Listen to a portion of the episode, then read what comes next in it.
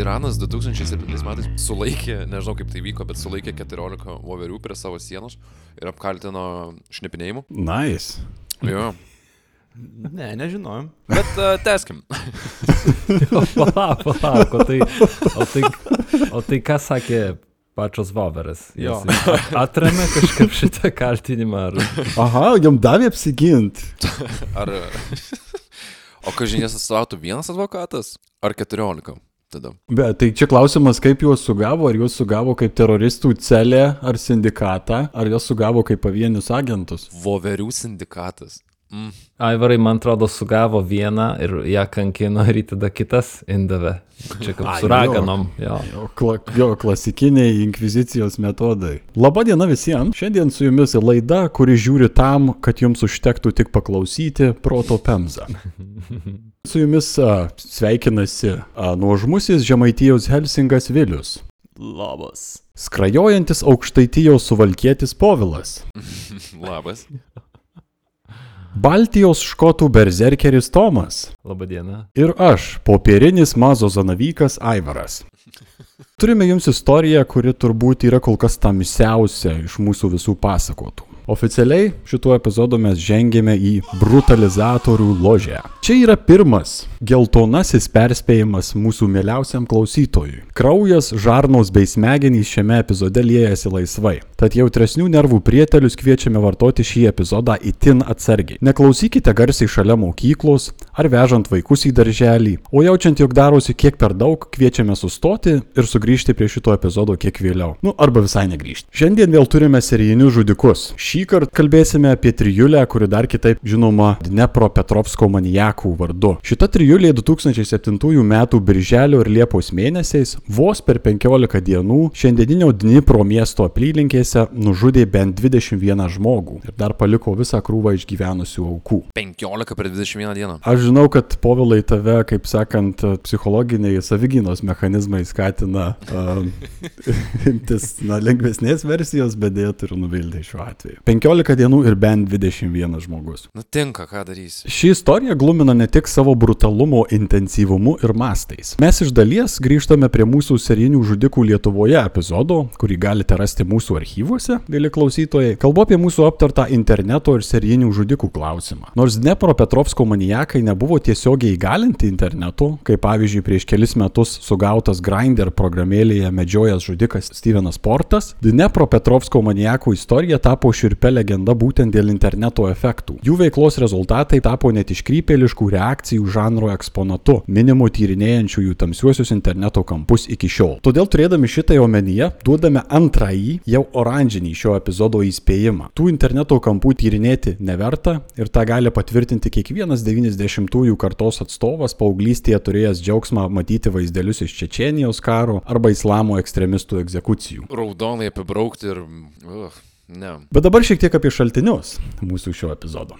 Epizode remiamasi Eileen Ormsby pernai išleista knyga Psycho.com – Serial Killers on the Internet – True Stories of Psychopaths Who Became Online Sensations. Keistą fascinaciją Dnepro Petrovsko manijakų istoriją jaučia kitame pasaulio gale esantys čiliečiai. 2010 metais sukūrė dokumentinį TV tyrimą pavadinimu Lius manijakos del Martijo arba plaktuko manijakai. Galiausiai neapsėjome ir be viešos spaudos ukrainiečių bei rusų kalba, įskaitant sivodinė.ua, kp.ua, Naša Misto, Dneprovskaja, Panorama, Novainar ir kitus šaltinius. Dnepropetrovskas šiandien dėka Ukrainoje vykstančios dekomunizacijos politikos yra pervadintas į Dnipro. E, Ir tai yra ketvirtas didžiausias Ukrainos miestas. Epizode paprastumo dėlė ir susikloščiusių naratyvų dėlė vartosime Dnepropetrovsko pavadinimą. Dnepropetrovskas yra žinomas e, visų pirma kaip e, Leonido Kučmos ir Julijos Timošenko karjerų atspirties taškas. Kažkada buvęs uždaro sovietinių balistinių raketų gamybos centru, kuriame 1990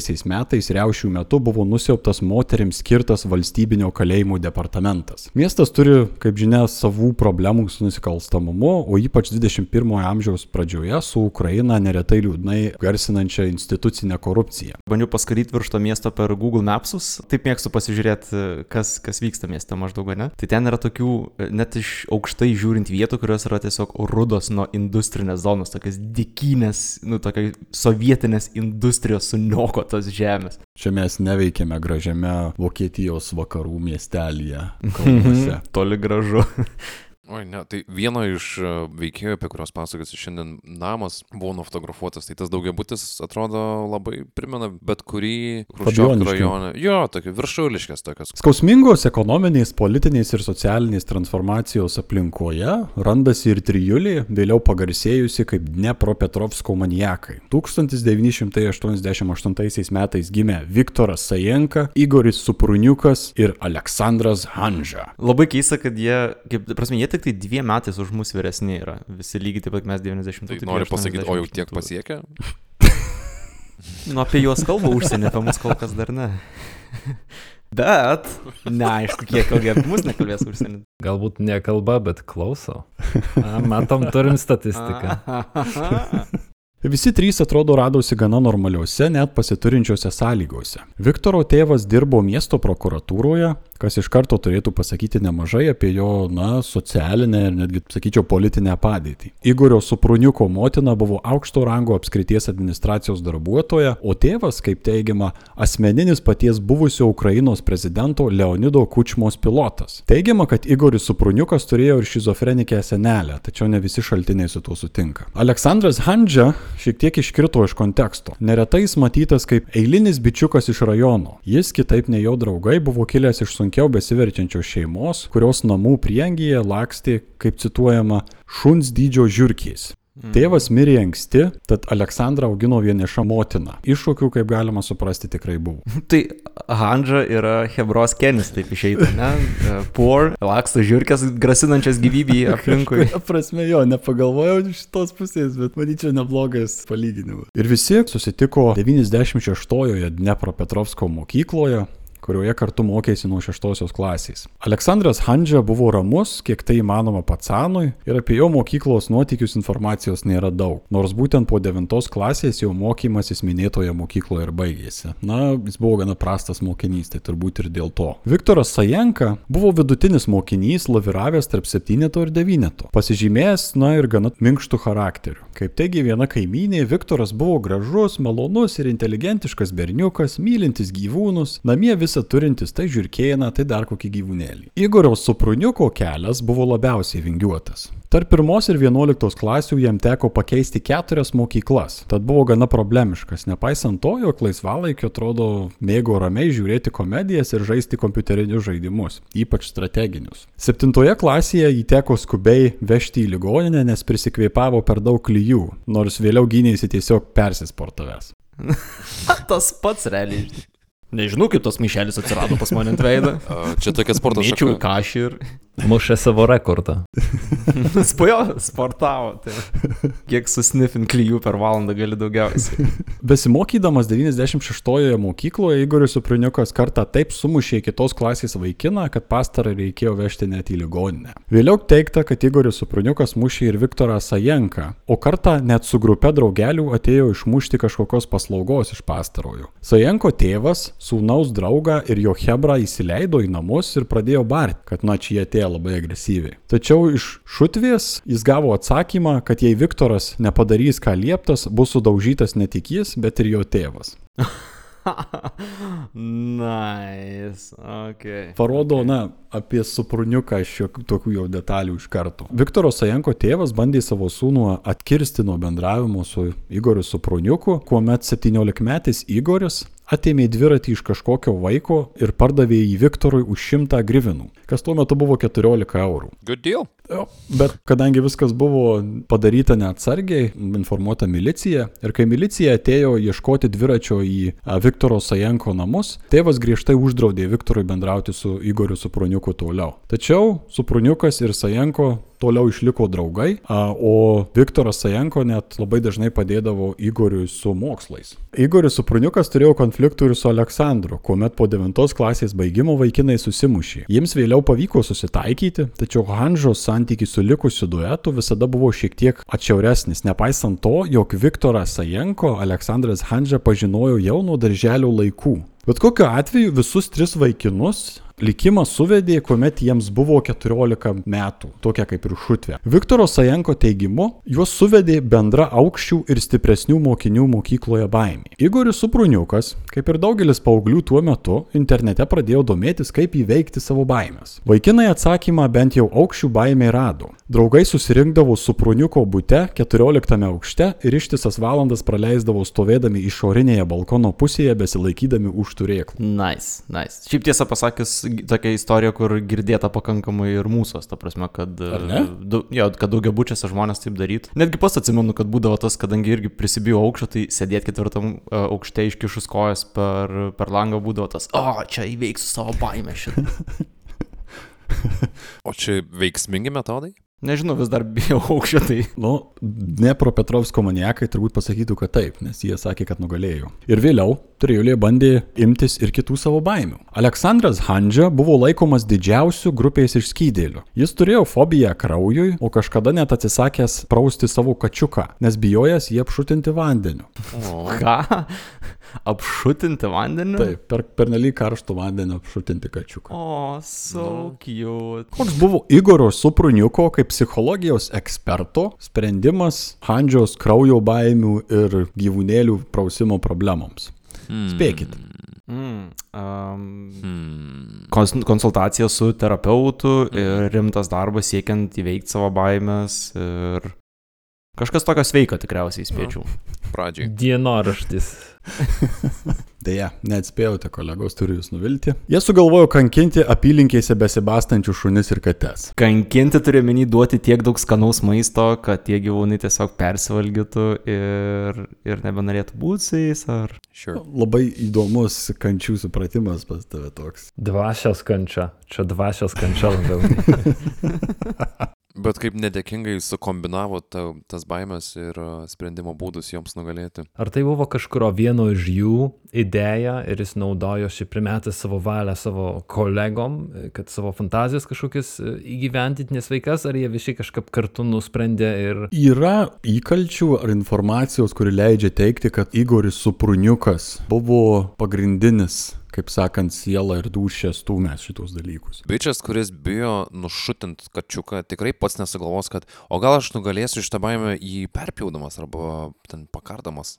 Tai toks atrodo labai lengva manipuliuoti galbūt tuo skiščiausiu herojum. Atrodo, kad jeigu ten, kaip minėjai, jam buvo 14 metų, tai 14 metų bičiai paaugliai visi puikiai atsimenat ir yra ypatingai paveikus savo bendramžių, draugų įtakai, kai visą laiką noriu būti prie Hebros pritapti ir toks, toks amžius. Tik tai ačiū Dievui, kad tikriausiai visi neturėjom tokių angažuotojų, ten, nežinau, nudirti kailiukus ar kažką tokio daryti. Taip, bet kokiu atveju Supruniukui pasiūlius, trijulė tarė ir padarė. Vaikinai netoliese esančioje giraitėje gaudė benami šunis ir kates, juos korė, mėsinėjo bei fotografavosi prie savo darbo rezultatų. Tarp jų, na, vėliau rastas ir balto kačiuko nukankinimo video įrašas, kuriame vargšas gyvūnas tarp visko nukryžiuojamas, tame video figūruoja klyjei, pistoletai guminėmis kulkomis ir kiti objektai. Klyjei, beje, drąsuolių ir baimės įveikėjų armijos buvo naudoti užklijuojant kačiukos nukelį, kad nesigirdėtų kaip kankinasi. Prie viso to jie gyvūnų krauju piešė svastikas bei saliutavo nacijų stiliumi savo fotografijose. Kas visiems tam svastikam, aš nesuprantu. Pats paprasčiausiai įsimenamas ženklas tikriausiai, kur tu labai bad boyas, jeigu jį nupieši, ypatingai fucking Ukrainui patyrusiai nuo, nuo nacijų tikrai labai labai daug. Tada tas elementarumas ženklo biški tave kaip ir tokius low level čia blogiečius pastatė. Nu, Sugalvo kažką. Jeigu teisingai pamenu, kai kalbėjom apie Lietuvos serinius žudikus ir ten šiek tiek apie teoriją kalbėjom, tai tas gyvūnų žudimas yra toks kaip ir, na, kelias link, e, link Jo. žmonių, ne? Ir tai na, kaip ir toks įrodytas mokslinis dalykas, ne, kad jeigu pradedi, yra šitie ženklai, tai yra... McDonald'o triada. Primena kažkokį tai bandymą patestinti, kur yra galimybių ribos, o ne kiek tu gali toli nueiti. Nes vis dėlto, jeigu tu negerbi mielos pukuotos e, gyvybės formos, yra tikriausiai, na, bent jau galimybė, kad žengsi tą tolimesnį. Taip, visiškai žingsnį šiuo atveju. Na ir tos svastikos ypač glosti geriausią grupės tieklovata šukuosinos impresiją nešiojančio Igorio Supruniuko savimeilę. Jis buvo gimęs balandžio 20 dieną ir labai gerai suvokė, kad dalinasi gimtadienį su tokiu gal kažkam girdėtų Adolfu Hitleriu. Albert, Al, Albertu kuo? Al Albertas kas toks? Adolfas Hitleris? Gruberis. Albertas Hitchcockas. Taigi, dalinosi gimtadienį su Adolfu Hitleriu, todėl išlikę nemažai nuotraukų, kuriuose jis pozuoja su ponosimi nupieštais ūsais, neretai su nudirtais gyvūnų lavonais fone. Toks jaunas, kad net negali užsiauginti Hitlerio ūsų, dar reikia nusipiešti juos. O ką? O. O kaip įdomu, ga, galėtume pasižiūrėti visi, kokio diktatoriaus arba šiaip prastai pasirodžiusio istorijoje veikėjo gimtadieniai su tom pasu mūsų. Gal kažką įdomaus rastume? Aivarai. Jūs, aš žinau, kur jūs sukat. Aš žinau, kad, kur jūs sukat, bet aš vis dar tikiuosi, kad pateikė neteisingą savo gimimo datą ir kad jinai nepersidengia su mano. Lauksi mūsų? Viso šito kontekste apskritai, kaip teigia vietiniai gyventojai, šiaip tai trijulės bendrai buvo prisibijoma. 2005 metais, būdami, na, kiek čia 16-17 metų, jie krovinai sudaužė už save jaunesnių 15-mečių berniukų porą. Po egzekucijos berniukams nustatyti smegenų sutrenkimai, lūžę kaulai, randai, ant jų veidų jie išliko visam gyvenimui. Nukentėjusių tėvai bandė pateikti kaltinimus. Tačiau Igorio Supruniuko tėvų įtaka galiausiai padėjo užglaistyti situaciją. Tad vaikinai, galima sakyti, jautėsi galintys siautėti be jokių pasiekmių. Toks atrodo kaip vaikų žimtumo nebuvimo sukelta problema, bet tada tie tėvai daro blogiausia, ką galėtų padaryti. Nu, aš įsivaizduoju iš tikrųjų, kad tokiuose namuose tikriausiai gavo tuo senu geru būdu, bet uh, tai, kad nėra kažkokios desnės atsakomybės už tai, irgi kalba už save. Ir tas, na, labai pasimato vėlesnėje eigoje ir versijose, kurios yra kalbama, na, nes yra tokių versijų, kurios sako, kad tėvai galėjo žinot, ką jie daro. Šiaip e, dar labai greitai, bet tas faktas, kad tu minėjai, kad jie e, fotografuodavo ir filmuodavo kačiukų tuos gyvūnų naminių kankinimus, rodo, ta prasme, kad jie turėjo kamerą tą daryti, rodo, kad tikrai nebuvo iš pačių neturtingiausių šeimų, nes nežinau kaip, kaip daug kur kitur, bet bent jau 2005 metais, kokiais kamera vis dar buvo toks ne pats pigiausias e, dalykas, kurį kiekvienas ten kiemo vaikas galėjo turėti. Ir dar Ukrainos pietryčiuose. Tai Po to, kai jie išsiskyrė po mokyklos laikų, paaugliškas siautėjimas atrodytų kuriam laikui kaip ir apstojo. Aleksandras Handžia po devinių klasių išėjo į proftechnikumą, kur mokėsi tapti vyrėjų, tačiau šis procesas greitai nutrūko. Paklaustas, kas nutiko, Anas pasakė. Jo, nepabaigiau. Reikėjo toli važinėti ir laiku bėgant pati profesija atsibodo. Vėliau Aleksandras Handžia buvo padėjėjų, kepėjų ir statybininkų, ekspeditoriumi vienoje agrokompanijoje, tačiau laikui bėgant suprato, kad 1500 gribinų per mėnesį alga, kas yra apie 200 eurų tais laikais, nėra pakankama. Reikėjo ieškoti kitų pajamų šaltinių. Viktoras Sajenko tuo tarpu pabaigęs mokyklą turėjo eiti tarnauti į kariuomenę, bet dėl neaiškių priežasčių, o galbūt ir dėl tėvo įtakos, jam neteko ten lankytis. Institucijos jam buvo išdavę leidimą atidėti tarnavimą iki 2010 metų. Tad dirbo jisai kroviku, o vėliau įsidarbino apsauginiu, nuolatos iš tėvų kaulijo kišenpinigių, kuriuos dažniausiai gaudavo, na nes alga irgi nebuvo pati didžiausia. Bet tuo pačiu metu neakivaizdiniu jisai studijavo metalurgijos akademijoje mieste. Igoris Supruniukas taip pat išvengė kariuomenės, nes jį, taip kabutėse, išgelbėjo gastritas. Dirbti taip pat nesiruošė eiti, nes abu tėvai gaudavo neblogas pajamas. Ketinau stoti kažkada į kompiuterių akademiją ir tapti sistemų administratoriumi. Tačiau galiausiai nusprendė sėdėti namie, gaiminti, žiūrėti filmus ir, kaip jis pats teigia, pornografiją. Tai kitaip tariant, išvažiavo į Nivierą, tik tai nepalikdamas tėvų namų. Turbūt jau. Tai jie tokie biški būtų galima naudoti terminą loserė, ne? Nu, ta prasme, nėra jokio nei plano, nei noro kažką daryti. Bet tas, kad jie buvo, na, bent jau du iš jų priklausė gana gerom šeimom ir turėjo viską, ko jie norėjo. Tai nepasakyčiau, kad loseriai. Jie tiesiog, kai kuriais atvejais aš tai net panaudočiau pašlemėko terminą iš tikrųjų. Na, toks tiesiog, ką man dirbti, jeigu man viską Nu, duoda. taip, taip, taip, taip. Tai ypač tai yra relevantiška Igorio Supruniuko atveju, kuris na, buvo visiškai aprūpintas ir jam viskas buvo ramu iki kol jo tėvas išėjo į ankstyvąją piloto pensiją. Daugiau būdamas namie ir matydamas Igorio neveiklumą, tėvas pradėjo jį ko neveikti. Tad Igoris sugalvojo istoriją, kad susirado darbą kažkokioje agrokompanijoje ir vežioja margariną. Tam net pradėjo anksčiau rytais eiti iš namų, tačiau iš ties tiesiog užsidėjęs taksi ženklą važinėdavo po miestą su savo tėvų gimtadienio proga jam padovanotų žaliu Dajavų Lanos automobiliu. Ar aš teisingai suprantu, kad mes kalbam apie fake taxi? Nu, taip. Tiesiog Fake taxi, bet dėja ne, ne tą prasme turbūt, kurią tu įsivaizduoji.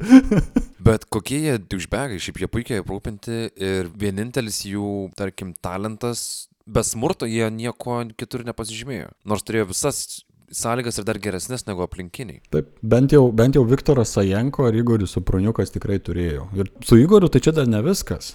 Tam, kad jis palaikytų tokią mitologiją, jisai kiekvieną mėnesį duodavo savo mamai dalį savo tariamos algos atseit už nuomą. Iš tiesų, tie pinigai buvo iš jo sutaupytų jau kišenpinigių kurių jam duodavo tie patys tėvai. Tai jam davė jų tiek, kad jis galėjo juos taupyti. Ir iš jų, kaip teigi, jisai jau 11 klasės pabaigoje buvo sutaupęs tūkstančius dolerių.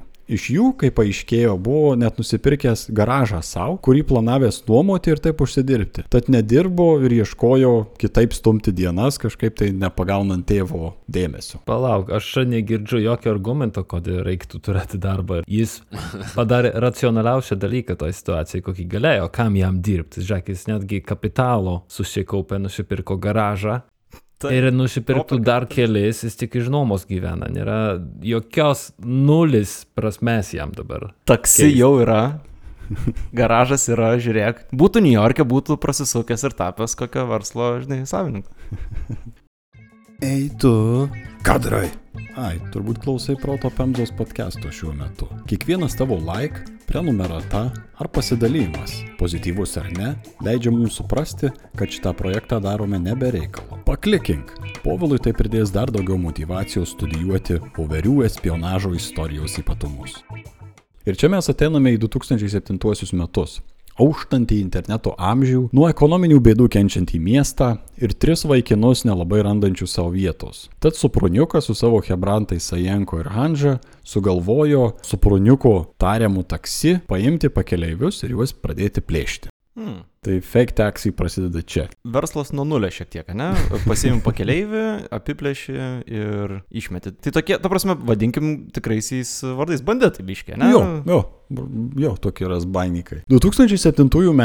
kovo 1 dieną Kamensko mieste Dnepropetrovsko apskrityje trijulė įsisodinusi į Supruniuko automobilį apiplėšė du vyrus. Vagystė kaip vagystė. Tačiau pastarasis incidentas dėl smurto jame kažkaip paveikė Aleksandrą Handžą, kuris tuomet pareiškė, kad nebedalyvaus ateities išpoliuose. Kadangi nėra detalių, aš negaliu pasakyti, kas ten iš tikrųjų nutiko, tačiau aišku yra tai, kad nuo šiol istorijoje jau figuruoja tik tai mūsų degraduojantis duetas. Tai yra Igoris Supruniukas ir Viktoras Sajenko. Kitaip tariant, tikriausiai Hanža labiau norėjo užsidirbti, kaip būdamas iš, sakykime, neturtingo backgroundo, bet spėčiau kažką pamatė jų polinkį į smurtą gal, ne? Jo, čia netgi yra labai toks e, geras pastebėjimas, nes berots pats Aleksandras Handžė teigė, kad tarp tų likusių dviejų ir Aleksandro buvo skirtumas. Aleksandrui reikėjo pinigų, tačiau jis nejautė malonumo smurtaudamas. Mhm.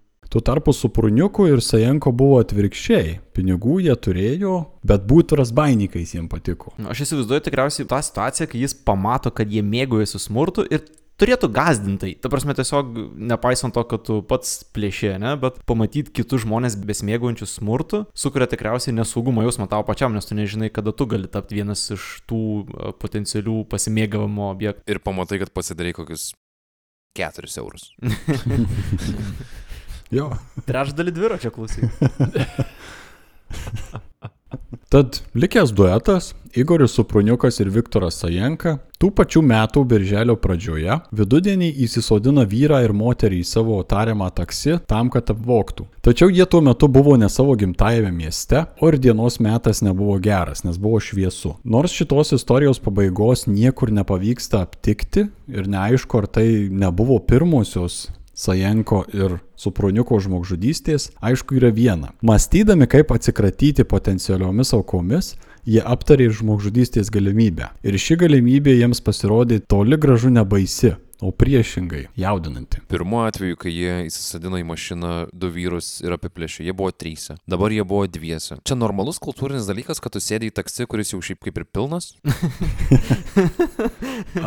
Kiek žinau, bent jau regione, tai nebuvo taip įtartina tam laikui ir tam kontekstui, nei tai būtų, pavyzdžiui, dabar, kai mes turim Uberius, turime Boltus ir taip toliau. Privatumo. Aš nežinau, ar jum yra tekę naudotis tą paslaugą, bet dar prieš 5-6 metus Vilniui būdavo tas e, taksi, kur surenka kelis žmonės ir tu esu važiavęs, kai sėdi aštuntas žmogus automobilį, po to jūs visus ten kažkur išvežioja. Tai jeigu tai yra normalus kažkoks, e, nu, kasdienis reiškinys, tai tikriausiai pamatai, kad sėdi trys pacanai, bet tau jau ne pirmą kartą tokia situacija, ne? Todėl nebijai, tau atrodo tai normalu visiškai. Dabar prieitum prie durų, pažiūrėtum, Tai jau. mm, visą gerą.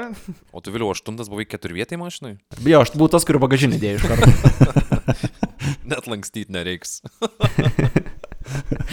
Bet kokiu atveju, čia mes įžengėme į krūvinąją šios istorijos dalį, tad hide your kids, hide your wife, nes toliau dalykai eina į ypač tamsią teritoriją. Kodėl wife? Kodėl viena skaita žmonų? Nes iš islamo išpažįstančių valstybių, kaip rodo statistika, mes neturim labai daug klausytojų. Jo, žinok savo auditoriją. O tai čia jau raudonas perspėjimas ar? Taip, čia yra paskutinysis realiai perspėjimas. Taip, aš jau kaip tik atsidariau dokumentą su e, faktais apie prerijų šuniukus, kad e, būtų galima 2007 m.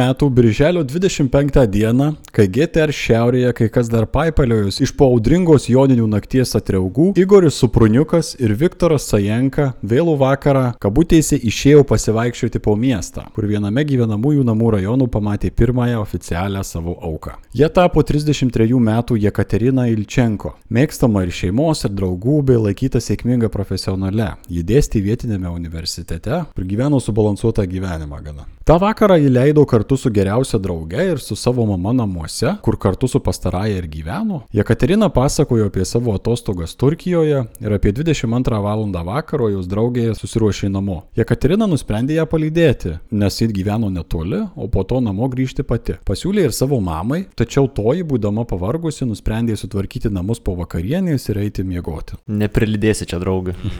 Gal ne? Eikit, eikit, aš indų tavo. suplaus. Jekaterina palydėjo savo draugę sėkmingai, tačiau jai einant bulvariku šalia namų, ją pastebėjo Supruniukas ir Sajenko, stovintys tamsoje po medžiais. Pamatę vienišą moterį būsimi žudikai nedvėjojo. Pripuolė prie jos, Supruniukas, turbūt žaisdamas, kaip teigiama buvo teisme, padarė suktuką ir trenkė pirmąjį smūgį moteriai į galvą plaktuku susuktų į krepšį. Vėliau jis pribaigė ją dar keliais smūgiais į galvą, kuomet jinai gulėjo ant žemės. Duetas pasėmė jos telefoną ir kikendamas pasipūstė padus iš nusikaltimo vietos. O taip išeitų, kad, jeigu teisingai suprantu, pagrindinis žudikas šitoje situacijoje buvo Supruniukas, ne? Jis, ar, ar jie kažkaip kolaboravosi? Tos rolės galbūt ten šiek tiek ir persidengdavo, bet dažniausiai Supruniukas suduodavo pirmuosius smūgius ir pribaigdavo žmonės, kai tuo tarpu Viktoras Sajenko užsiminėjo kinematografinę funkciją. Kūrybukas toks hebros. Jo. Tos pačios nakties paryčiais 4 val. 30 min.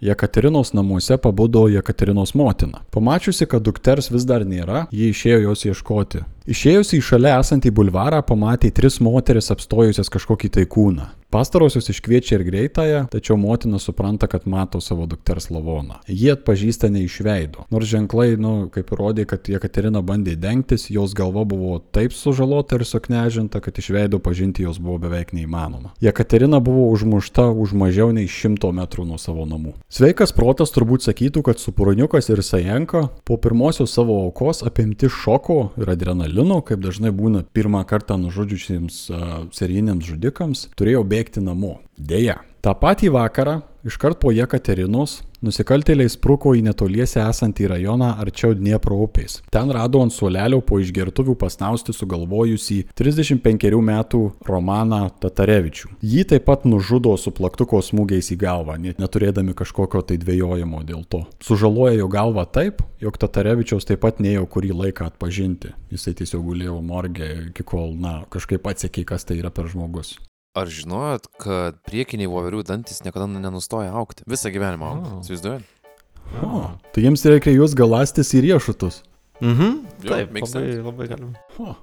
Šiaip funny enough, kad užsimini Paulai, bet e, pasirodo prerijų šunyčiai irgi turi labai uh, aštrius dantis.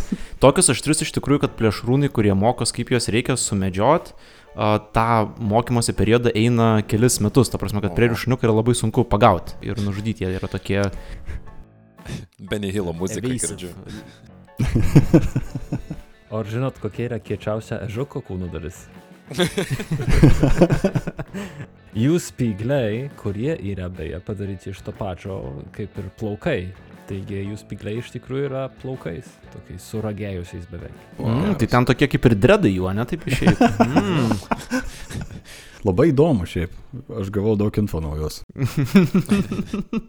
Grįžtant prie e, vargšo mėgojusio žmogus, jeigu aš teisingai supratau, kad jį, kai e, su, su talžio plaktuku, jis vienintelė pagoda yra ta, kad jis net nejautė to tikriausiai, nes jis miegojo dar tuo metu. Tai... Taip, turbūt taip. Na, jeigu jisai buvo labai išgėręs ir tiesiog jį geras pirmas smūgis buvo, tai turbūt iš karto atjungė jį. O nėra aišku, kuris uh, nužudė? Taip pat, kiek žiūrėjau šaltinius, neradau, bet esu 95 procentais įsitikinęs, kad tai buvo suproniukas jau pagautas to savo viso gaivalo. Bet antiek žvėriškai, kad nebegalėjo susivaldyti tą pačią naktį. Ta prasme, visiškai ankiek turėjo fucking patikti šitas dalykas, kad... Oh. O ar yra informacijos, ar jie, pavyzdžiui, girtaudavo tuo metu, arba kažkokios priemonės gal turėjo papildomo poveikio šitos jų nuotykiuose? Kiek teko, vat ir po to ir psichiatrai, ir, ir kas tyrinėjo jų ten būklę, tai priejo prie išvadų, kad jie, jie nieko iš tiesų nevartojo. Nei gėrė, nei kažkokių narkotikų ėmė. Vienintelis Handžia, kuris jau čia net nedalyvauja, mėgdavo patraukti šiek tiek gandžios.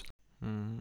O tie du high on life O tikriausiai. jo, jie turbūt tiesiog, jam gyvenimas yra atviras ir pilnas ir jie tiesiog enjoyina. Klejų jau nenaudoja?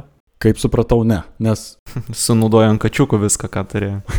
Ok, tai du žmonės per tą patį vakarą, ne? Ir dar yra ironija tai, kad suoliukas, ant kurio miegojo antroji auka, tas Tatarevičius, buvo kitoje gatvės pusėje ne nuo ko kito, o miesto prokuratūros pastato. O ne ten dirbo vienas iš vieno iš jų tėtis? Taip, Viktoro Sajenko tėvas. Ir na, jeigu manėt, kad dviejų žmonių turėjo pakakti, vėl suklydote. Iškart po Tatarevičiaus vaikinai sugalvojo surasti dar vieną auką. Ta pat vakarą. Taip, tą patį vakarą, dar- tą pačią naktį. Tai ta dar viena auka vos netampa 58 Viktoras Percovas, kuris taip pat randamas sužalota ir suknežinta galva po plaktuko smūgių. Tiesa, gyvas. Viktorą Percovą išgelbsti netoliese esančio grožio salone buvusi moteris vėlyvą vakarą. Ką ji ten veikė, aš nežinau, bet ji ten buvo ji kažką darė ir ji pamatė, kai du bičiai bando uždaužyti žmogų su plaktuku. Jinai pradėjo garsiai šaukti ir tai nutraukė egzekuciją, nes tie abu du šakalai jie labai išsigando ir tiesiog pabėgo iš nusikaltimo vietos. Irgi rodo jų būseną, ta prasme, ir to, tokį drąsumą, ne jeigu tik tai kažkas pamatė moteris iš e, grožio salono. Okay. Ir čia buvo paskutinė Dnepropetrovskų maniakų auka tą dieną, tačiau ji labai gerai apibrėžė jų metodą ir taikinius. Plaktuku užkapojimus izoliuotus erdvėse žmonės, negalinčius rimčiau pasipriešinti. Ir šitai prasidėjo kas kelias dienas trunkantis krūvinas siautėjimas, kuris šiurpino Dnepropetrovską gerą pusę mėnesio, jeigu ne ilgiau. Birželio 28 šių baimės nugalėtojų tokiu pačiu metodu ir scenarijumi buvo nužudyti 69 Aleksėjus Kavbasa ir 53 me- metų a, Valerijus Krivospickis. Vėliau sekė Liepos 1 diena. Jie tada plaktuku nužudo 15 metę Jevgeniją Griščenko ir 56 metų Sergejų Grinčiuką netoliese esančiame Novomaskovsko miestelėje. Kiek dabar mes jau turim aukų? Aš, aš irgi, aš pasimečiau to paties, ką tik norėjau klausti. Penkias? Šešias turiu. Tai jokio cool down periodo čia tiesiog nėra. Arba jis trunka valandas realiai, kaip kompulsyvus paaugliai, ne? Ta prasme, tiesiog bėga ir... Realiai tiesiog daro. Kol gali, tol daro. Kol nėra kažkokio tai nepatogumo, kuris truputėlį priverčia galbūt sustoti ar susimastyti. O iki šiol koks yra vyrų moterų santykis aukose? Mm, Daugiau vyrai.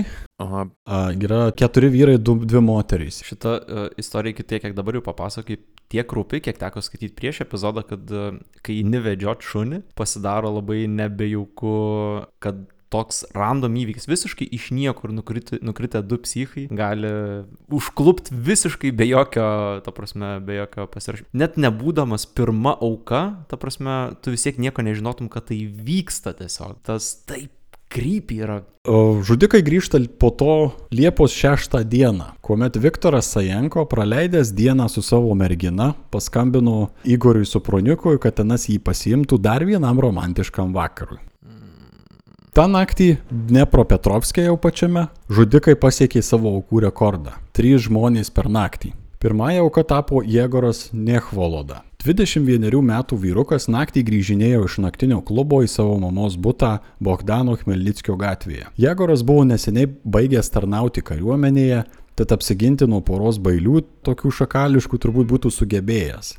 Tačiau naktinėme klube buvo, na, taip ženkliai pavartojęs alkoholio ir tai turėjo poveikį jo gebėjimui greitai orientuotis aplinkoje ir turbūt pastebėti, kad kažkas iš paskos jam eina ir artinasi prie jo. Jėgoras jau buvo beveik prie pat savo namo, savo daugiabučio slengščio, kai iš už nugaros jam trenkė Igoris su savo plaktuku. Iš viso Jėgoro galva patyrė bent 15 plaktuko smūgių, tad galite įsivaizduoti, na, kaukulės būklę. Ir tarytum to būtų negana, greičiausiai Igoris šiuo atveju, krauju dar nupiešė ir svastiką ant Jėgoro kaktos, prieš palikdami jį praktiškai ant motinos durų namų slengščių. Ir taip ir nutiko, kad ryte anksti motina tiesiog na, randa savo sūnaus lavoną praktiškai ant savo durų slengščių. Ir na, klyksmas ir kiti dalykai. Žinai, kas yra labiau žmonės su šituos padlas?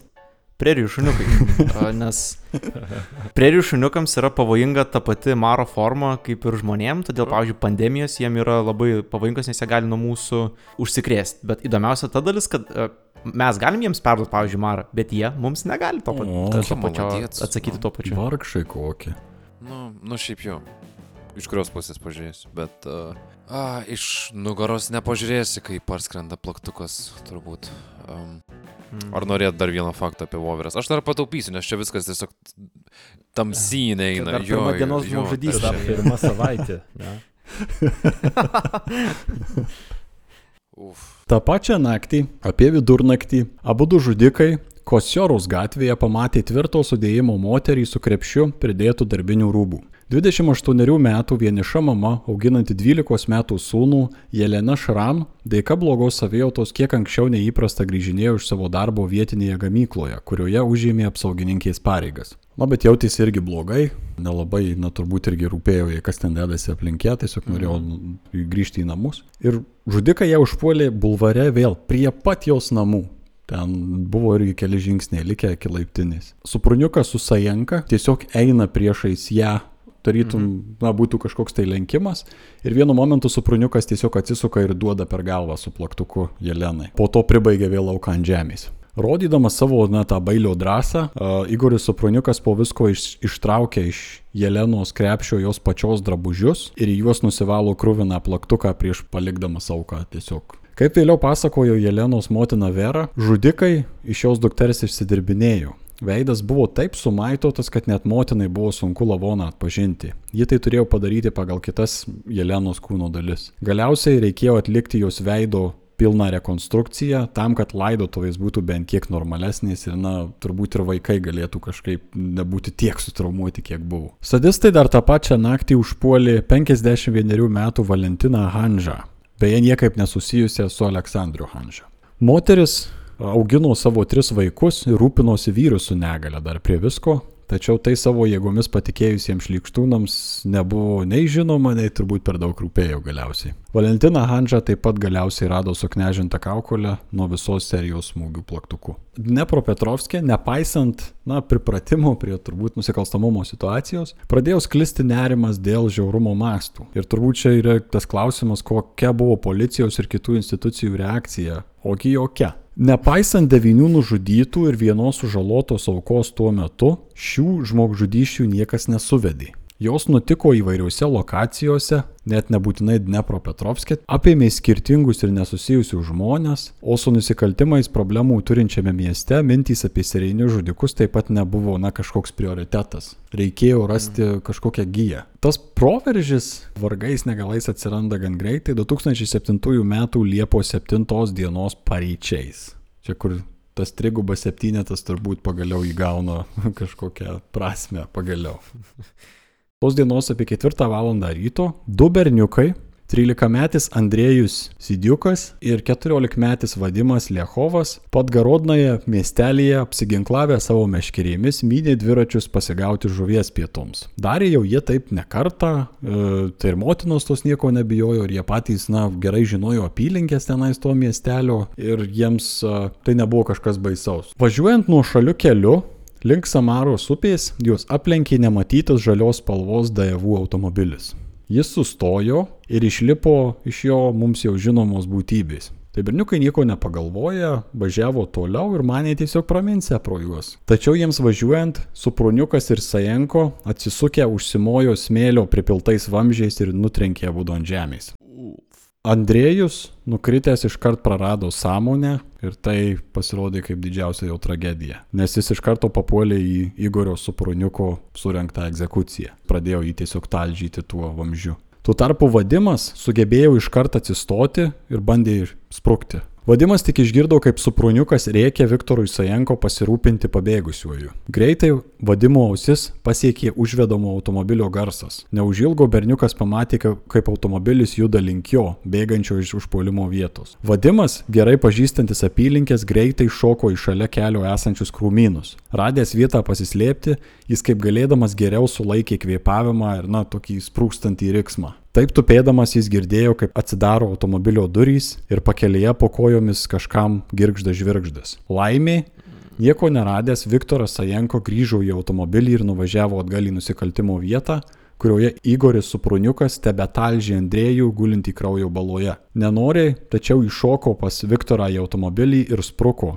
Tai pagaliau palikdamas Andrėjų ramybėje. Čia kaip e, iš kokio siaubo filmo, ne, kur tu slėpiesi ir aplinkui girdi girgždantį žvyrą. Visiškai, aš, aš pagalvojau irgi, ko, kokia turėjo būti savijauta reakcija 14 mm. metų berniukui bėgti, matyti kaip draugą talžo ir dar slėptis nuo kažko, kas tikrai jį užmuš. Ir po to dar grįžti, išlysti iš tos vietos kažkokiu būdu. Nepaisant visko, vadimas grįžo patikrinti savo draugų. Andrėjus dar silpnai, tačiau kvėpavo. Tad vadimas savo marškinėliais pabandė sulaikyti kraują, o po galvą padėjo savo lengvą striukę ir nubėgo į netoli esantį judresnį kelią dairytis, ar nepravažiuos kokia pagalbinga mašina. Tai tie du gaidžiai turėjo ir telefonus filmuojančius uh, ir viską. O šitie negalėjo turėti, kaip būtų likimas gal truputį kitaip Nu. pasisukęs. Ah, kiek... Socialinė klasė, amžius. Ar žinai, kam socialinė klasė nėra svarbi? Ežokam. Ežiai gali eiti iki 4 km per, per dieną, bet ar tikrai? Ne, nes jie yra naktiniai gyvūnai ir jie vaikščioja naktį. Šiaip, Tomai, kad jau užsiminė apie uh, socialinę klasę, tai, pavyzdžiui, prerijų šunyčiams socialinė klasė nėra svarbu, bet jie uh, palaiko na, socialinius ryšius, nes turi sudėtingą komunikacijos garsais sistemą. Jie, pavyzdžiui, gali apibūdinti, kokios spalvos rūbus dėvi žmogus link jų judantis. Tikriausiai turi žodį ir nuogam, ne? Vat nežinau, ar ištyrė šitą prerijų šunyčių analitikai. Sulaužo visą jų komunikaciją, už tai, kad jie neturi žodžio, negali pasakyti, kas ateina. Jo, tai dabar tu galėtum užpulti prerijų šunyčius, nepa... jiems nematom. Kaip grobonis. Kalbant apie komunikaciją, tai šunyčiai turbūt galėtų Aivarai, nemaišyk šitų temų, palik šunyčius kuo toliau nuo, nuo šitų blėtstvų. Gerai. Grįžtant prie komunikacijos. Kažkas pamatęs krauju aptaškytą vadimą pagaliau sustojo ant to kelio, buvo iškviesta greitoji, tačiau Andrėjus pasiekus ligoninę jau buvo negyvas. Tai 13 metis berniukas tampa, na, be ne jauniausia jų auka. Galvoju gerai, kad jie nesugalvojo palaukti kur nors to kito vaiko, žinai, nes čia tokia irgi likimo ironija, kai susistabdai tuos pačius ieškodamas pagalbos. Atrodo, kad jie vis dar toj karštoj būklėje, ar ne? Jie neturi plano ar procedūros, ką daryti, jeigu viena auka pradės bėgti. Jie supanikavo ir tiesiog išvažiavo, ar ne? Nu, iš kažkurios pusės atrodo, kad tiesiog suvokė, kad gal laiko neturi labai daug. Vdruk, jeigu kažkas pravažiuos tebūnį ir nuo šalesnių kelių, juos gali pamatyti. Tai laiko yra mažai, reikia geriau mauti iš čia, tamsa gal nepamatė. Elgesi visiškai kaip fucking paaugliai. Ta prasme, jokio plano, jokio, jokio pasirašymo, tiesiog bėgi ir, ir, ir darai be, be proto. Aš jeigu būčiau jų vietoje, Nu, nu, Paulai, pasidalink kaip. man atrodo, kad daug didesnė, ž... blemo, kad ir kaip pasakysiu, čia labai blogai skambės. Jau blogai skamba. Jau blogai, jo, jo, jo, tai gal Jau sakinys. Nerk.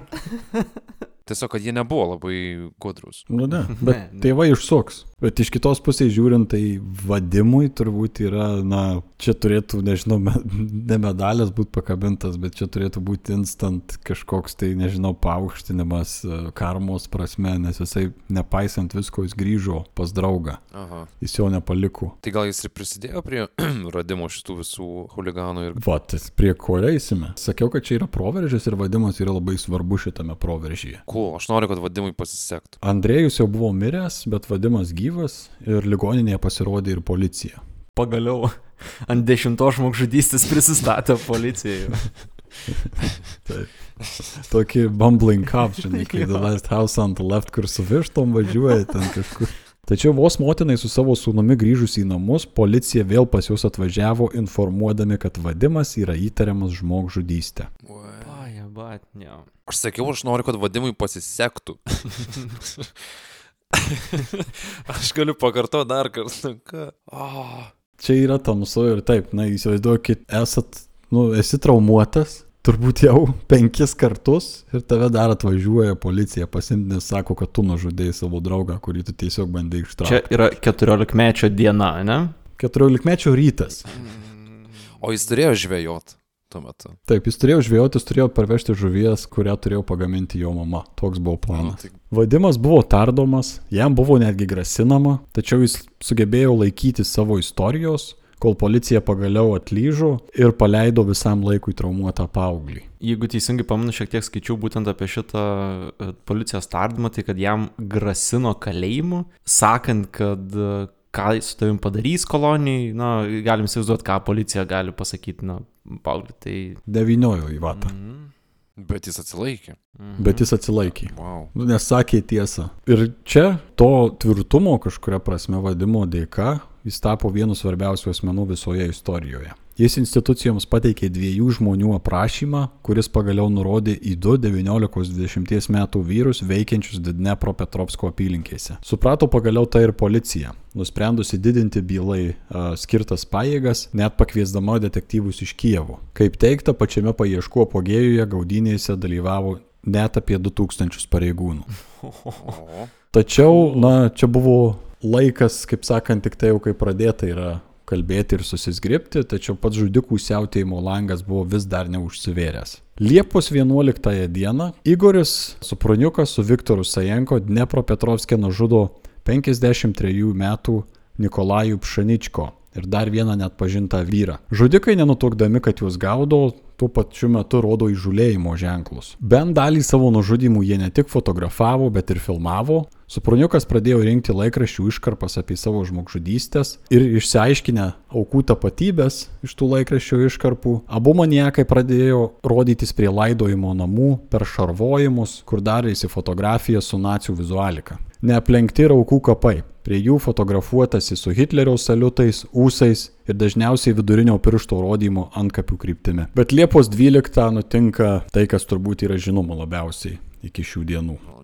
Liepos 12 dienos metu išnaglėję Supruniukas ir Sajenka išvažiuoja į netoli miesto esantį nuošalų keliuką šalia miško. Mašinų nedaug, tad padarai įsijungia kamerą ir pradeda filmuoti savo pokalbį. Abu du vaikinai pasistatė automobilį šalikelėje, šalia kažkokio prišiukšlinto miškelio, kalbasi apie savo būsimą auką. Viktorui Sajenko paklausus, kaip jie atsirinks, ką uždaužyti, Igoris Supruniukas, jausdamasis labai gudriu, atsako. A, jei pasirodys labai stiprus ir didelis vyras, tai viskas gerai. Bet jei išlenda silpnas žmogus ar berniukas, mes jį pasveikinam su šituo. Ties šiais žodžiais Igoris Supruniukas išsitraukė plaktuką iš geltono krepšio ir pradeda juoktis. Kažkuris pasako, koks geras. Abu a, mainosi vaidmenimis žiūrėdami su žiūronu, kurį atsivežė. Jie net su žiūronu atvažiavo tam, kad galėtų išskautinti galimą auką. Atsiranda pasiruošimo kažkiek nusikaltimui, nebe taip random. Aha, tai jie žinojo, ko jie važiuoja jau tenais. Vienu metu Igoris Supruniukas pastebi, kad ant jo mašinos yra likę ir vienos iš paskutiniųjų dueto aukų kraujo, nors ir negali prisiminti kurios aukos. Tai a, gal policija pasakytų, jeigu jie paklaustų šiaip dėl įdomumo. Tai. Bet kokiu atveju abu du sutarė, kad e, puls pirmą silpnesnį pasitaikiusį ir pagal tai, kaip aptarinėjama, kokie geri kadrai bus viską nufilmavus, suprantama, kad jie tikrai ne dėl vagystės yra atvažiavę čia. Ir jie du taip kalbasi tol, iki kol tolumoje pamato ant dviračio atvažiuojantį siluetą. Tas ant dviračio atvažiuojantis siluetas yra 48 Sergejus Jatsenko. Sergejus Jatsenko iki tos lemtingos dienos mirtį jau buvo apgavęs bent du kartus. Apie 1990 metus, dirbdamas fermose, jis nesuvaldė traktoriaus, kuris nusirito į upę. Sergejus galėjo spėti iššokti iš kabinos ir išsigelbėti, tačiau bandė kažkaip išsaugoti brangę techniką ir buvo prispaustas traktoriaus kabinos viduje. Kai jį ištraukė iš upės, gydytojai paskelbė jam klinikinę mirtį. Tačiau pastangų vis tiek dėjo jį kažkaip atgaivinti. Ir jam pavyko. Gelbėtojai sugebėjo Sergejų atgaivinti, tačiau po to ilgus metus vadino tą jo išgelbėjimą, na, kaip savotišką stebuklą. Išgyvenę šitą nutikimą, Sergejus gyveno normalų gyvenimą, jisai sukūrė šeimą su žmona Liudmila, turėjo du sūnus, paskutiniaisiais metais savo gyvenimo jau sulaukė ir pirmojo vaikaičio, su kuriuo labai mėgo leisti laisvą laiką, bet čia jam prisėjo mirtį apgauti antrą kartą. Jam buvo vienu metu diagnozuotas gerklės vėžys. Tačiau Sergejus, nepaisant pavojingos ir skubios operacijos, viską pasitiko gana ramiai. Operacija buvo sėkminga, tačiau Sergejus neteko balso ir galėjo tik šnipždėtis trumpomis frazėmis kalbėdamas su kitais. Nepaisant to, jog dėka lygos neteko darbo, Sergejus bandė rūpintis e, ne tik savo žmoną, tačiau ir neįgalia motina bei keturiais šunimis kuriuos laikė pas save namuose. Jis dirbo visokiausius darbus, vairavo, surinkinėjo šiukšles, taisė automobilius, vežėjo siuntinius su savo Dniepr motociklu, kuris buvo su lopšiu tokiu, ir net pynė krepšius. Ir na, čia jo, čia yra tie du atvejai, kai jis apgavo mirtį, tačiau kai kur minimas ir trečias, kurio aš kaip ir tvirtai patvirtinto neradau, kad, na, jį trenkė žaibas ir jisai kažkaip sugebėjo išgyventi. Jo, būtų įdomu, jeigu kas nors sugalvoja išras šitą faktą, nes žinai, šitą istoriją dar reikia biški paspaisinti. Prasme, šiek tiek pa, pa, pa, jo, patirštinti spalvos neužtenka dar iš tų dviejų iš, išgyvenimų. Ar tiesa ar netiesa tas žaibas, bet Sergejui, nu, kažkaip likimas jau buvo nuspręstas, kad jis savo mirtim tikrai nemirs. Na jo. Final Destination, kaip ir sakėt. 2007 m. Liepos 12 d.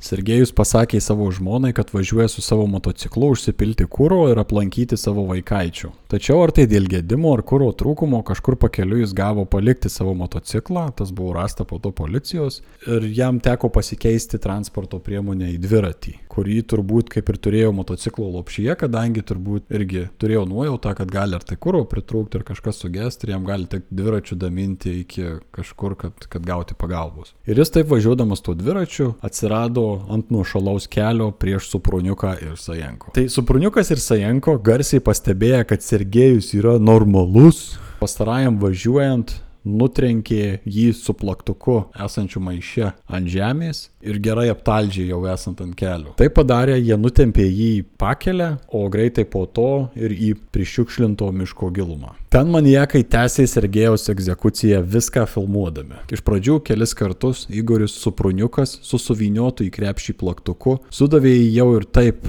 visiškai krūviną Sergejaus veidą, Tačiau prie jo po to prisijungė ir Viktoras Sajenko, kuris, nepaisant to, kad jis filmavo, jisai pasėmęs atsuktuvą pradeda visai badyti Sergejų Jacenko. Pirmiausia, jis įbado į pilvą nuolat. Vienu metu abu net žudikai sustoja ir bent minutę filmavo Sergejų tam, kad girdėtųsi šio priešmirtiniai skleidžiami garsai. Vėliau pafilmavę jie vėl tęsė savo egzekuciją, šį kartą su pruniuku jau, kaip sakant, kaip reikalas įsismarkavusiam su tuo plaktuku. Viktoras uh, Sajenko pradeda atsuktuvu jau badyti, na, kažkur aplink galvą, daugiausiai į akis, na, siekdamas net ir pasukinėti vietomis jį. Tačiau Sergejus Jacenka nepasidavė visos šitos egzekucijos metu. Ar dėl savo paties stiprios valios ir noro pasiūsti velniopį į žalojančius žvėris, ar dėl žudikų kereipliškumo jis vis dar rodė gyvybės ženklus. Kol jie net patys nustojo žvingauti ir pradėjo vienas kito klausinėti, kada jis po galais mirs. Po papildomo daužymo, turbūt ten kelių minučių, Sergejaus kančios pagaliau baigė. Jisai nustoja kvepuoti ar aprimsta. Su pruniukui dar numetus negyvam Sergejui repliką, na ir su šikta diena tavo, ne? Padarai, bėgo atgal prie mašinos, pribėgę prie jos puolį prausti save ir savo žudimo įrankius. Ir jie to prausimuose metu vis dar aptarinėjo kaip sunkiai Sergejus numirė. Viktoras net nervingai išlemeno. Aš nesuprantu, kaip jis dar buvo gyvas. Aš jaučiau jo smegenis.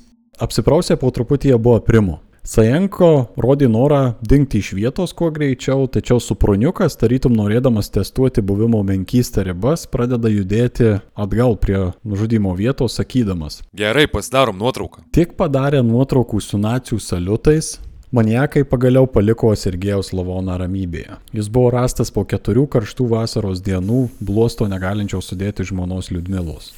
O maniakai tą dieną dar nužudė 85 metų Regina Prakapenką savo būdingų scenarijumi mieste. Po keturių dienų. Kai jie jau plovėsi plaktuką ir, ir kitus na, įrankius, aš atsimenu tam video gale, jie juokėsi. Taip, Jie visą taip, laiką taip, taip. juokėsi. Taip, jie aptarinėjo, tarytum tai būtų, nu, kad kažką labai fan padarė tokio, kad čia žiauriai buvo cool. Nu, nežinau, kaip tai net su kuo sulygiai, nežinau, buvo atrakcionė nuvažiavę, arba dažasvidį žaidė, kažkas tokio. Liepos 13 dieną siautėjimas tęsėsi. Abu maniakai nužudo Nikolajų Marijančikovą savo būdingų stiliumi. Liepos 14-ąją nutrenkė nuo mopedo važiuojančią 45 metų Nataliją Mamarčiuk ir ją sudaužo su plaktuku arba vamzdžiu. Tačiau jie čia padarė dar vieną klaidą. Visai netoli Natalijos nužudimo vietos po skudurais ir dėžėmis glaudėsi du vaikai benamiai - brolis ir sesuo, kurie matė įvykius ir vėliau pateikė policijai parodymus. Ir pateikė apibūdinimus žmonių, kurie nužudė Nataliją apibūdinimus, kurie sutapo su anksčiau pateiktais Vadimo Lechovo parodymais. Ir tai, žinoma, paieškas tik dar labiau suintensyvino. Nepropetrovskė tuo metu jau prasidėjo ne tik nerimas, tačiau ir panika. Restoranai ir klubai ištuštėjo, o vyrai, pavyzdžiui, negryžusių žmonom sutarto laiku vakare, ėjo į gatves jų ieškoti. Žmonės apskritai stengiasi vaikščioti tik poromis, arba esant galimybei, net ir būreis. Vienu metu skaičiau apie, nu, šitą laikotarpį aplink šitas žudynės, kad vyrai į gatves eidavo su ginklais. Ir ginklus nešiotis, pavyzdžiui, buvo nu, ne- nelabai įstatymas leido tai daryti, tai, bet policija kaip ir empatiškai žiūrėjo į visą šitą dalyką ir leisdavo tai, patikrindavo, aišku, popierius, bet vyrai gatvėse su ginklais buvo kaip ir norma, normalu. Priežastis tam buvo ir tai, kad policija nelabai ir dalinosi informaciją apie tą visą paiešką žudikų. Jie kartu ir negalėjo pasakyti visko, bet negalėjo imti ir visiems uždrausti kažkaip saugotis, kai akivaizdžiai kasdien ar pas, kas kelias dienas pasirodo žinios apie žiaurius nužudymus kažkur. Ir ne veltui tokia reakcija pačiame mieste. Aukų dar buvo. Oficialiai o, po Liepos 14-osios įvardyjami dar bent e, du nužudyti pusamžiai vyrai bei net pažinta moteris. Pastarosios atvejais yra ypač tragiškas. Žmogžudystės metu ji buvo jau 8 mėnesius neščia. Žudikai ne tik nužudė ją, bet po to išpjovė ir dar negimusį kūdikį. Tai perspjaudami net su Sergejumi Jacenko parodytą savo sadizmą. O žinojot, kad uh, karvės gali turėti geriausią draugą. Ir jeigu tą geriausią draugą atskirsi nuo karvės, tai gali uh, turėti įtakos karvės nuotaikai ir to pasiekoje turėti įtakos jos uh, pienui. Tai karvės turi geriausią draugą ir su juom leidžia kiekvieną dieną. Žinot? O, Ne, Žiauriai. nežinau. Nu. geras.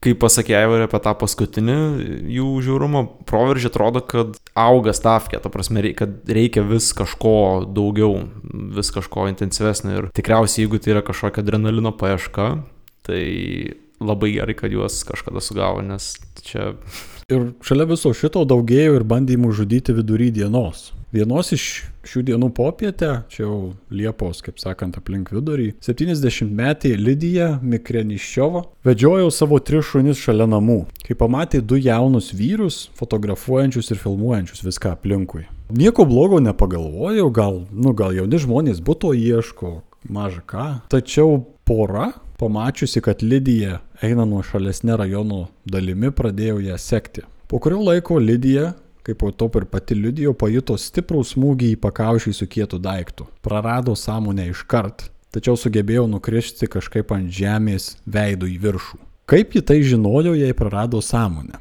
Visą užpuolimą Sajenko vėl filmavo ir vėliau nufilmuota medžiaga buvo parodyta pačiai Lydijai. Kas turbūt irgi užduoda daug klausimų, kaip reikėtų jausti save matant be sąmonės talžumą dviejų žvėrių. Lydija žudikai daužė, spardė ir mindė kojomis, tariamai norėję išmušti jos auksinius dantis. Ir turbūt būtų ją nužudę, jei ne trys Lydijos šunys. Pastarieji pradėjo loti kaip pasiutę, kuomet pajuto pavojų. Žudikai dar iš pradžių išsitraukė pistoletą, pradėjo guminėmis kulgomis šaudyti į juos. Du šunis jiems pavyko nušauti. Mirtinai? Taip. Tačiau į trečią nepataikė ir galiausiai būdami didžiais narsuoliais nusprendė sprukti iš nusikaltimo vietos, kol kas nors netkreipė dėmesio ir netėjo girdėdami šunis lojančius. Kokie jie grybai. aš geriau būčiau daręs šitą. Nu, ne, nu. Oh, ta prasme, du šunis tu kažkaip sugebi nugalabyti vietoj, kas jau galbūt netgi tau didesnį adrenaliną turėtų sukelti, kadangi tu esi proceso žudikas ir tau, tu to ir ieškai. Tai čia dar toks kaip ir papildomas akceleratorius a, atsiranda tai bedarant. Tai kodėl to trečio šuns tada tu nepasirūpinai, o va tada jau pabėgi. Čia toks labai specifiškai bailus esi. Vis tiek galima teikti, kad Lydija išgelbėjo jos šunys ir jau pabėgus žudikams prie jos pribėgo kažkas išgirdęs tą šunų lojimą ir tada iškart buvo išvies, iškviesta greitoji. Ir Lydija turėjo daug gilių žaizdų galvoje jau, nepaisant to, kad liko gyva. Žandikaulis buvo sutrupintas, o vėliau prireikė prostetinio gydymo tam, kad veidas apskritai būtų atstatytas. Viena per interviu matosi, kad sunkiau juda ir, ir, ir, ir mimikas rodo veidas. Tačiau nepaisant visko, moteris įsimenė detalės apie žudikus ir kartu su vadimu bei benamiais vaikais tapo viena svarbiausių bylos liudytojų. Dnepro Petrovsko maniakai būtų tęsę savo juodus darbus ir toliau. Tačiau jų augantis neatsargumas pasirodė lemtingas. 2007 m. Liepos 23 d. viename iš Dnepropetrovsko lombardų buvo aktyvuotas vienos iš žudikų aukų telefonas. Sparčiai sureagavus tyrėjams pastebėta, kad telefoną bandę parduoti asmenys atitiko jau turimus žudikų aprašymus. Supruniukas ir Sajenko buvo labai greitai areštuoti, Vėliau buvo prijungtas ir Aleksandras Handžia, kaip vis dar asocijuojamas su jais, matyt, susitikęs buvo ar kažkas tokio. Atvažiavus areštuoti Sajenko, jo tėvas, dirbantis prokuratūroje, kurį laiką neįsileido policijos į namus. Ir kalbėta, jog buvo girdimas dundesys vamzdžiuose nuo bandymo nuleisti visus per žmogžudystę surinktus trofėjus. Taip nurodant, kad net ir tėvai galėjo žinoti apie savo vaikų darbelius. Galiausiai buvo aptiktas ir žudynėse naudotas plaktukas, čia pasigorį su pruniuką jau, nuo vienos iš aukų ausies nuluptas auskaras, o kompiuteriuose apie 300 fotografijų ir vaizdo įrašų iš nusikaltimo vietų, ant vienos spausdintos fotografijos buvo parašyta Silpnieji turi mirti, stiprieji nugalės. Ypač šioje vietoje svarbus su pruniuko namuose esantis kompiuteris. Kiek teko skaityti, tai teikta, kad tėvas, taip pat besinaudojantis kompiuteriu, negalėjo nežinoti apie žudimus ir nematyti tų visų failų, nes jie net nebuvo kažkaip labai gerai užslėpti. Ar buvo wallpaperis uždėtas kur, iš kurios nors vietos? Ant desktopo folderis su pavadinimu Nežiūrėti. Taip.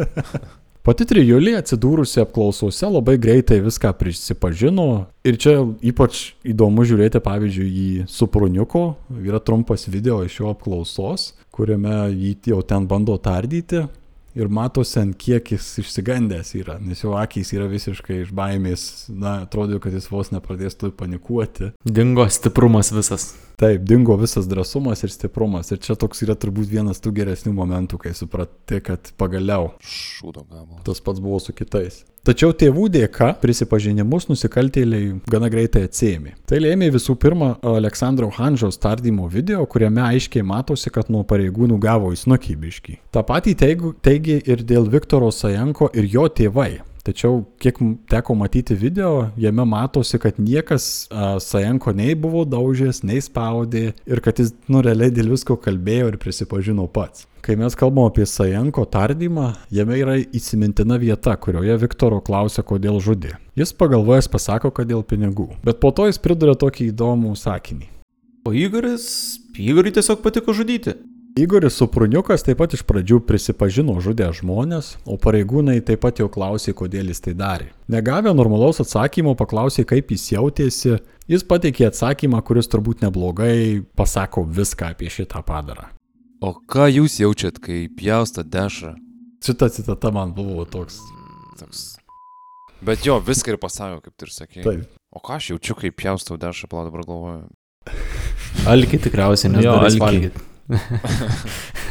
Nepaisant prisipažinimo medžiagos, Supruniuko ir Sajenko gimdytojai pradėjo ieškoti įtakos vertų apginti savo atžaloms, nuolat keičiant istorijos versijas. Tame procese buvo atleistas ir Viktoro Sajenko pirmasis advokatas, kurį pakeitė pats Viktoro tėvas, tapęs viena bylo žvaigždžių visur dalinusių interviu. Tuo tarpu pirmasis Sajenko advokatas su džiaugsmu apleido savo pareigas, nes teigė, jog jo kliento istorijos pernelyg dažnai keičiasi. O istorijos iš ties dažnai keitėsi. Pirmiausiai bandyta griebti sumušimo žymių, kaip minėjau, išgaunant prisipažinimus, neteisėto įkalčių paėmimo bei institucijų korupcijos. Vėliau buvo pradėti kvestionuoti kompiuteriuose rasti žiaurių žudinių video įrašai. Sergejaus Jatsenko nužudimo įrašas kažkieno turinčio prieigą prie teismo dokumentų 2008 m. pabaigoje buvo nulykintas į internetą ir pavadintas 3 bičiai vienas plaktukas. Tas pasigavo ir vakarų medijoje. Kaip teigia viena pirmųjų vakarų žiniasklaidoje apie jį parašiusi The Times žurnalistė Caitlin Moran, Didelė mano dalis pasikliovė viltinga nuostata, kad tai buvo labai įtikinantis studentų dramos projektas. Dalykas, kuris taps viral hitu ir kuriuo Daily Mail galės smagiai piktintis. Čia rimtai jinai sako? taip, jinai rimtai ir čia buvo daug Ta fuck. Čia ne tai, kad jinai viena tai pagalvojo, daug kas tai pagalvojo, žiūrėdami tą video, kai jisai tapo tokia sensacija, kad tai yra antiek baisu, kad yra sunku patikėti. Va, va, va. Toks žiaurumo lygis nufilmuotas negali būti realus. Taip. Ta prasme, net žmonės, kurie gyvena iš to, rašė va, tokius dalykus ir ypač yra labai svarbu tai, ką jinai parašė to paties teksto pabaigoje. Kas aš dėja esu, tai laikytoja to, kas niekada manęs nepaliks. Tai mane privertė suvokti, kad reikia būti itin atsargiam, ką dažnai nerūpestingą akimirką pasirenki įdėti į savo atmintį, nes kai kurie dalykai jos niekada nepaliks. Ir manau, teisingesnių žodžių šitame kontekste negalima pasakyti. Jei visat manėte, kad kitų žmonių patarimų klausosi tik vailiai ir esate protingesni, Proto Pemza rekomenduoja šiam vienam atveju padaryti išimtį. Aš panašiai jaučiausi, kaip Keitlin čia parašė, tik tai, kad aš viską sutrumpinau iki kelių keiksmažodžių ir, ir atodusiu, nes tikrai ne, ne ta terpė, kur reiktų kišti ką nors tenai. Nu, Dėl to mes žiūrim, kad kitiem nereiktų. Taip. Sure. Aukų šeimų stebėjosi ir tėvų šaltumu. Ne tik Sajenko tėvas, tačiau ir Supruniuko mama buvo gynybos komandoje. Kai ją kalbinti bandė Jelenos Šra mama, Supruniuko mama jai ramiu balsu atsakė. Gal jūsų dukrai buvo tiesiog lemta numirti? Man tai šlikštų buvo šitą perskaityti. Nu, bet Yra- tolkai irgi. Sako, The Lion, the Witch and the Audacity of this.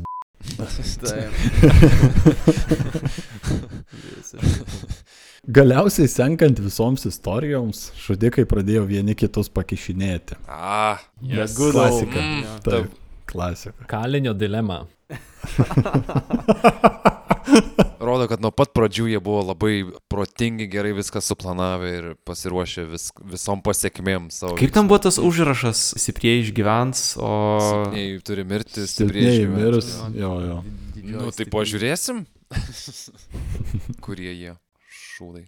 Aleksandras Handža iš karto išsižadėjo visų žmogžudyščių, teikdamas, jog dalyvavo tik plėšimuose, po kurių suprato, kad augantis apetitas kraujui jam nėra priimtinas. Tai patvirtino ir rasti vaizdo įkalčiai, kuriuose Handža prie žmonių lavonų nefigūravo, nors ir prieėmė jam atiduotus aukų daiktus. Tuo tarpu Viktoro Sajenko tėvas teigi, kad Viktoras Sajenko kaip minkšto charakterio berniukas buvo priverstas taip elgtis Igorio supruniuku. Ir dėka kažkokios Stokholmo sindromo versijos buvo psichologiškai priklausomas nuo jo dėka vaikystėje išsiugdytos baimės. Hmm. Mhm.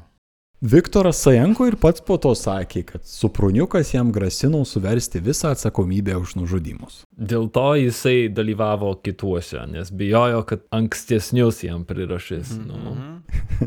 Geležinė logika. O sakei, va, o sakei, kad neplanuojam priekį. a? Tuo tarpu Igorį Supruniuką dėka tariamos šizofrenijos istorijos šeimoje iš pradžių bandyta ginti kaip nepakaltinama, tačiau visos psichiatrų analizės parodė, kad viskas su juo ir kitais jo kolegomis yra gerai. Jie nėra kažkokie tai psichopatai arba šizofrenikai. Po to vėl, na, grįžinėjant prie kitų versijų, apsistota prie samokslo gynybos, kurios e, jo tėvai laikosi iki šių dienų, net ir nepavykus planams kreiptis į Europos žmogaus teisų teismą. Ką jie žadėjo daryti? Ok, ok. Aš jau matau reakcijas Europos žmogaus teisų teisme, kai pasiūlo jiem šito imtis. Ja, bet kita vertus yra tas, kur gali įsivaizduoti tėvus norinčius neigti tą faktą, kad jų vaikai yra žvėris tokie. Mhm. Kuo, kuo labiau bandai įrodyti tai, na, kuo, nežinau, griežtesnių priemonių mėsi, kaip kreipiamas į, į Europos žmogus teisų teismą, tuo labiau rodo tą neigimo lygį tikriausiai, kuriam gyveni.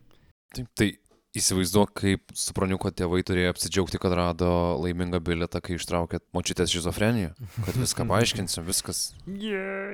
Jo, čia buvo naudojama tikrai, tas bandyta, bet aš paskui mačiau, kad netgi ginčytėsi dėl to, ar nebuvo taip sukurta kaip istorija teismui galiausiai. Ai, kad močiutė net nebuvo šizofrenikė, bet jie padarė tam, kad a, šita istorija būtų. Taip. O, Taip. Oho, jau čia viskas mes tai šitą bandymą kažkaip tai Taip. sušvelninti bausmę. Kas man, nu, aš negaliu taip tėvų meilė ir visa kita, nu, bet ne. Jo, jo. Sapras. Nepagarbau kom irgi yra. Bet tik tai irgi rodo, kaip tie vaikai buvo auklėti visą laiką. Jie nekalti dėl nieko, kaltas aplinkybės visi, visi kiti. Visą laiką reikia išsukti. 2009 m. vasario 11 d. jaunuoliai pagaliau buvo nuteisti. Aleksandras Handžia buvo nuteistas 9 metams laisvės ateimimo už plėšimus. Jis buvo vienintelis neapeliavęs savo sprendimo. 2019 m. rugsėjį jis atlikęs bausmę išėjo į laisvę. Šiuo metu yra vedęs ir augina du vaikus, bei nenori prisiminti savo praeities, yra dingęs. Hm, įdomu, kodėl. Tuo tarpu Sajenko ir Supruniukas už žmogžudystės ir plėšimus gavo kalėjimą iki gyvos galvos. Nors ir bandė apeliuoti nuosprendžius, jiems neišdegė pasigerinti savo padėties. Jie tebesėdi kalėjime, apie juos labai daug informacijos nėra, bet teisininkų kalbėjimų, kad problemų su elgesiu neturi, bei kad sveikata nesiskundžia. Bet kokiu atveju istorijos pabaiga mums palieka myslių. Iš viso trejetas, o gal čia jau netgi tiksliau dvejetas, už savęs per 15 dienų paliko bent 21 auką ir 8 nukentėjusiuosius. Visi kaip ir nebuvo vartojantys kažko labai, neturėjo ir kažkokių seksualinių patologijų pagal psichiatrus, nesišlapino lovui, nemėgo deginti dalykų ir panašiai. Ir nors galima matyti gyvūnų kankinimą, jis netrodo tokio tipo, kaip dažniau sutinkamas, na, toks lyguistis kankinimas, kad ir kaip makabriškai skamba, tai atrodė labiau patsanų nesąmonių darymas, o ne kokių nors altorių statymas iš gyvūnų kaulų. Psichiatrai, kurių kompetencijos negaliu kvestionuoti, nes pats toks nesu, taip pat teigia, jog trijuliai neturėjo jokių psichopatijos bruožų būdingų kitiems žudikams veikusiems Ukrainos teritorijoje. Tad iki šiol lieka klausimas, kodėl tai buvo daroma. Kalbėti apie vagystes. Tačiau bent jau Igoriui Supruniukui ir Viktorui Sajanko to neįtin reikėjo, juos aprūpino tėvai. Kelta žinoma ir satanizmo versija, sekant visą klasiką, nes Igoris Supruniukas vienu metu kažkam kalbėjo apie kažkokį senovės kario dvasios iškvietimą žudant žmonės. Of course he did. Tačiau ir ši galiausiai buvo paneigta. Dėl svastikų fotografijos ir knygų apie Hitlerį Supruniuko namuose kelta ir neonacizmo versija. Tad galiausiai liko viena versija, dėl kurios kažkaip tai sutarė ir psichiatrai. Liguistas savęs patvirtinimas. Kitaip tariant, žudikai žudė dėl to, jog jiems tai buvo pramoga ir savo kažkokios stiprybės pasaulyje užtikrinimo metodas. Aišku, šita versija yra ir nelabai ką atsakanti, tačiau kartu ji ir itin gazdinanti. Nes kalba mums apie tai, kaip kartais arti normalybės šydo proto praplėšimo gali būti tamsiausiuose žmogaus sielos vandenyse tūnantis monstriškas blogis. Jo, tas tikriausiai ir yra baisiausia šitoje vietoje, jeigu bandai savo vyriškumą, stiprumą kažko, nežinau, vietą pasaulyje užsitikrinti civilių nekaltų žmonių žudimu. Aš matau didžiausias dvi malkas šitam šūdų lauže, aš matau supraniuką ir nebaudžiamumą kuris ir atvedė iki to visų tų prieš tai buvusių epizodų. Aš klausiausi ir visą laiką man kirpėjo galvoj, ar buvo galima to išvengti, ar buvo galima to išvengti. Tai stopudovai kad buvo galima išvengti. Taip, šiuo atveju galima jo kalbėti, kad, kad, kad greičiausiai buvo galima, ypač jeigu būtų tėvai leidę savo vaikams, nu, prisimti atsakomybę už savo veiksmus, o ne bandyti juos išsukinėti ten dėl šeimos vardo ar dėl meilės, nors man tas meilės argumentas čia irgi yra nežinau, kažkaip netrodo priimtinas ir net netrodo įtikinamas, aš nežinau, nes jeigu tu esi tėvas arba mama, tu, tu žinai, ką jaučia, pavyzdžiui, tų sudaužytų uh, vaikų tėvai kai, na, jiem ten turi, nežinau, operuoti sužalojimus ar dar kažką. Bet kaip keista, kad tu savo vaikus saugai nuo baisybių, o tavo vaikas ir tampa tą baisybę. Šitau ironija per veidą. Turbūt sakau, liūdniausia dalis, kad tai tapo to interneto fol folkloro dalimi. Ta auka buvo kažkaip irgi jamžinta, labai liūdnai. Kažkur viename iš tekstų rašė netgi kokius komentarus, teko matyti po to video ten tose platformose. Tai sunkiau tikėti žmonijos ateitimi šviesia, kai paskaitai. Ar žinojot, kad ūdros per visą gyvenimą jos turi pastoji atidaryti šitas kreuklis visokias ir tam naudoja akmenis. Ir ūdros pasirodo turi kišenėlės tokias ant savo odos ir jos netgi gali būti, kad visą gyvenimą laiko toj kišenėlį tą patį akmenį, su kuriuo atidarinėja moliuskus. O. Lai nereikia, mielas klausytojų, tau nei to akmens, nei to moliusko atidaryti, kas buvo šitas video ir šitos istorijos baisybės. Bet manau, kad šitie dalykai vis tiek vyko, tai šnekėti apie juos a, gali. Tai mes už jūs žiūrim, kad jums nereikia. Geriau net negalėčiau pasakyti. Ačiū, kad klausėte, ačiū, kas išklausėte iki galo. Ja, sveikinam, jūs tikrai turite stiprius uh, nervus. Ačiū ir iki kitų kartų. Iki. Iki. Iki. Iki. Proto pemza užkniso juodai, o galbūt norėtumai, kad pagremštumėm kokią nors specifinę tau įdomią temą, rašyk mums į mūsų Facebook paskyrą arba protopemza.gmail.com. Jei negaila vieno ar dviejų bokalų sumos per mėnesį, nepasididžiuok užsukti ir į mūsų Patreon puslapį. Jame rėmėjų laukia ekskluzyvinis turinys, o jau visai netolimoje ateityje paskelbsime apie naujas benefakcijas, kurios pradžioje bus prieinamos tik mūsų rėmėjams. Nesnausk. Norėtume padėkoti ir mūsų didiesiems Patreono rėmėjams - Mariui V, Kūgiui Mūgiui, Gabrieliui S, Kazimierui K, Vyteniui tokiam, Vytautui D, Rasai, Karoliui P, Ignui L, Kestučiui B, Aistei V, Vincui M, Benui P, Simui D, Tomui B, Karoliui T, Giedriai B, Giedriui N ir Kristinai T. O dabar sako ukrainiečiai, do побачення.